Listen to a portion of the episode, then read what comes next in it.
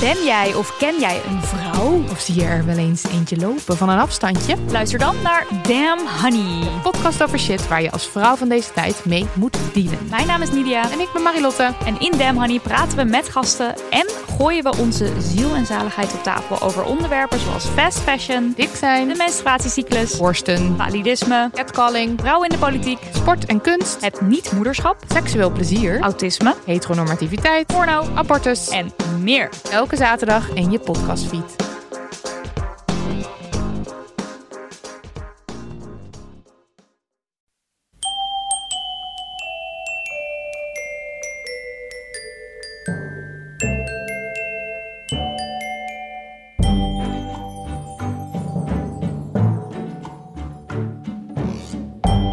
Welkom bij aflevering 270 van Echt Gebeurd.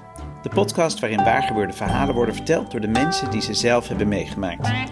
In deze aflevering een verhaal van Hanna Fraza. Ze vertelde het in maart 2016 tijdens een verhalenmiddag met als thema De Laatste Adem.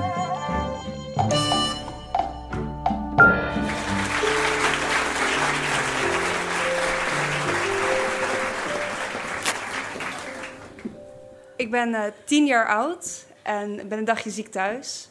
En ik verveel me verschrikkelijk. Het klinkt natuurlijk heel leuk dat je een dagje thuis mag zijn, maar het blijkt echt heel vervelend te zijn als je te ziek bent om leuke spelletjes te kunnen spelen of wat dan ook. Ik was niet ziek genoeg om de hele dag te slapen. Vandaar dus dat ik verveeld was. Mijn moeder was ook thuis. Die was een paar kleine klusjes in en rond het huis aan het doen. En met dat zij eindelijk klaar was, komt ze bij me zitten en vraagt ze of ze iets voor mij kan doen. En ik smeek haar mij alsjeblieft een verhaal voor te lezen. Mijn moeder was nooit heel goed in het vertellen van verhalen uit haar hoofd. Had ik mijn vader voor nodig. Maar die was niet thuis, mijn moeder wel. En zij kon heel mooi voorlezen. Dus zij pakt daarbij het boek van de Gebroeders Leeuwenhart. De Gebroeders Leeuwenhart, eh, geschreven door Astrid Lindgren natuurlijk, gaat over Kareltje. En Karel, of Kareltje, wordt door heel veel mensen Kruimeltje genoemd, omdat hij ook altijd ziek thuis zit. Waar ik mij op dat moment heel goed mee kon verpo- persoonlijkheden. Ja, ben ik. Eh Kareltje was alleen zijn hele leven lang al ziek. Hij was zo ziek dat hij nooit in zijn leven naar school was gegaan. Hij zat nou ja, in het huis waar ze woonden, een, een heel groot oud Zweeds houthuis op de vijfde verdieping. En ze hadden voor hem een, een bankje tegen het raam aangezet. En, en daar zat hij dan de hele dag onder een dekentje naar buiten te kijken. Als je ziek bent, is er niet zo heel erg veel om te doen namelijk. Nou, Kareltje, zijn vader, nou out of the picture, die, eh, die komt in het verhaal niet voor. En zijn moeder, zij was naaister, eh, ontving toen thuis de, de klanten, zodat ze natuurlijk goed op Kareltje kon letten. En zijn broer Jonathan. En Jonathan is geweldig. Hij weet de beste spelletjes te bedenken. Hij weet altijd de beste cijfers te halen, ook in school. Hij is heel knap, hoewel je dat over jongens natuurlijk niet mag zeggen. Die zijn know, handsome.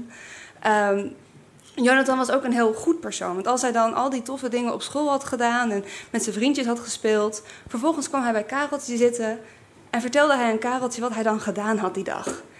En op die manier wist Kareltje hoe het was om een normaal leven te leiden. Hoe het was om vrienden te hebben en op school goede of slechte cijfers te halen. Dat is eigenlijk een van de enige manieren waarop Kareltje een beetje kon leven.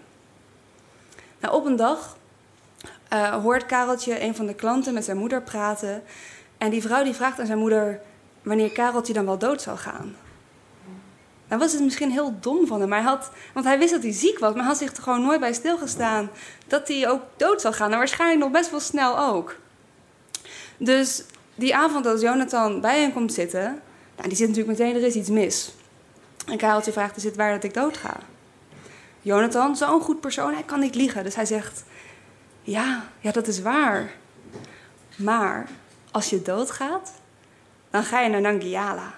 En Nangiala is een land van avonturen, waar, waar je helemaal niet ziek bent. In Nangiala daar kan je paard rijden en kampvuren bouwen, je kan onder de sterren slapen. Je kan gaan vissen, het is geweldig in Nangiala. Echt waar. Maar misschien dat als er in Nangiala maar vijf dagen voorbij gaan, op aarde, is dat misschien wel 50 jaar. Stel je voor dat ik misschien wel 80 jaar oud word, zonder mijn kareltje. Weet je wat, zegt Jonathan? Misschien moet je mij iets beloven. Als je mij belooft dat jij, nou ja, al is het maar voor een half uurtje, als een witte duif terugkomt. Kom je in mijn raamkozijn zitten En dan kan ik je wat brood geven en dan, dan weet ik dat het goed met je gaat in Nangiala. Kan je dat mij beloven? Karel haalt even adem en die denkt, ja, dat kan ik. En hij voelt zich wat beter vanaf die dag. Natuurlijk is doodgaan nog steeds wel heel erg eng, maar hij is er niet meer zo bang voor. Het, is wel goed, hij heeft die belofte gemaakt. Een paar weken later gebeurt er iets verschrikkelijks. Dat oude houten huis waar ze in wonen, ja, er is wat misgegaan en het vliegt in de brand. En die vlammen die gaan steeds sneller, steeds hoger. De meeste mensen kunnen natuurlijk nou ja, net op tijd naar buiten rennen.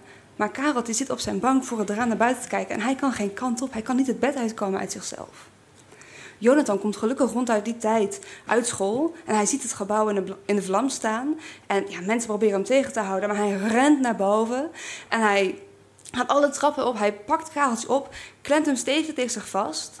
Hij wil via de trap terugrennen. Maar ja, inmiddels vallen de brandende blokken hout naar beneden. En hij kan niet via de trap naar buiten. Hij klemt Kareltje nog strakker tegen zich aan. En hij springt door het raam naar buiten op dat moment hield voor mij dat verhaal op. Ik kon zien dat we echt maar zo'n stukje van het boek gedaan hadden. Maar mijn moeder was zo hard aan het huilen terwijl ze aan het voorlezen was. Ja, daar kwam gewoon helemaal niks meer uit. En ik was natuurlijk verschrikkelijk geïrriteerd. En uiteindelijk kreeg ik haar zover dat zij doorging met het verhaal. En wat er gebeurt, is dat Kareltje blijft leven, maar Jonathan gaat dood. En ze gaan dan wonen bij, bij de zus van zijn moeder. En ze vinden een nieuw raam en een nieuwe bank en een nieuw dekentje voor Karel. Zodat hij weer naar buiten kan kijken. Maar het heeft gewoon helemaal geen zin meer. Zo, zo zonder Jonathan is hij eigenlijk al zijn, zijn verbinding met de buitenwereld is die kwijt. En hij kijkt meestal niet eens meer naar buiten. Het, is, het heeft gewoon geen zin meer. Totdat op een dag Kareltje een, een klein tikken hoort. Hij heeft eerst niet door wat het is, maar als hij opkijkt, ziet hij dat daar voor het raam een duif zit. Een hele mooie stralend witte duif. Zij doet het raam open. De duif komt naar binnen en hij geeft hem wat, wat broodkruimels.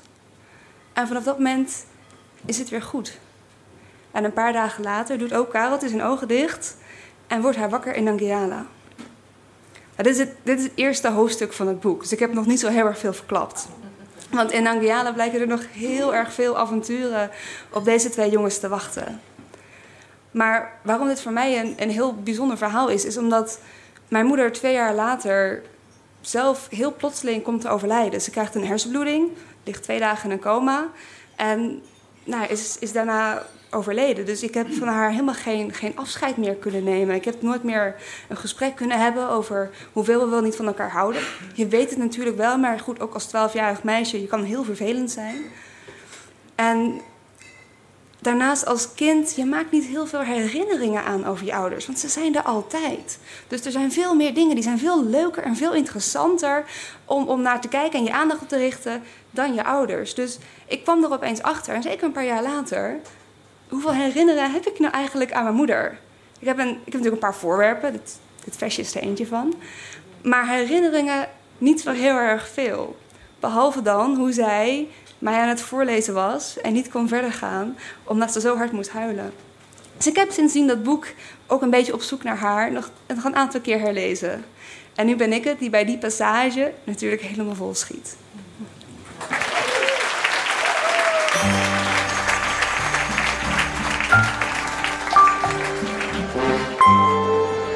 Je hoorde een verhaal van Hanna Fraza.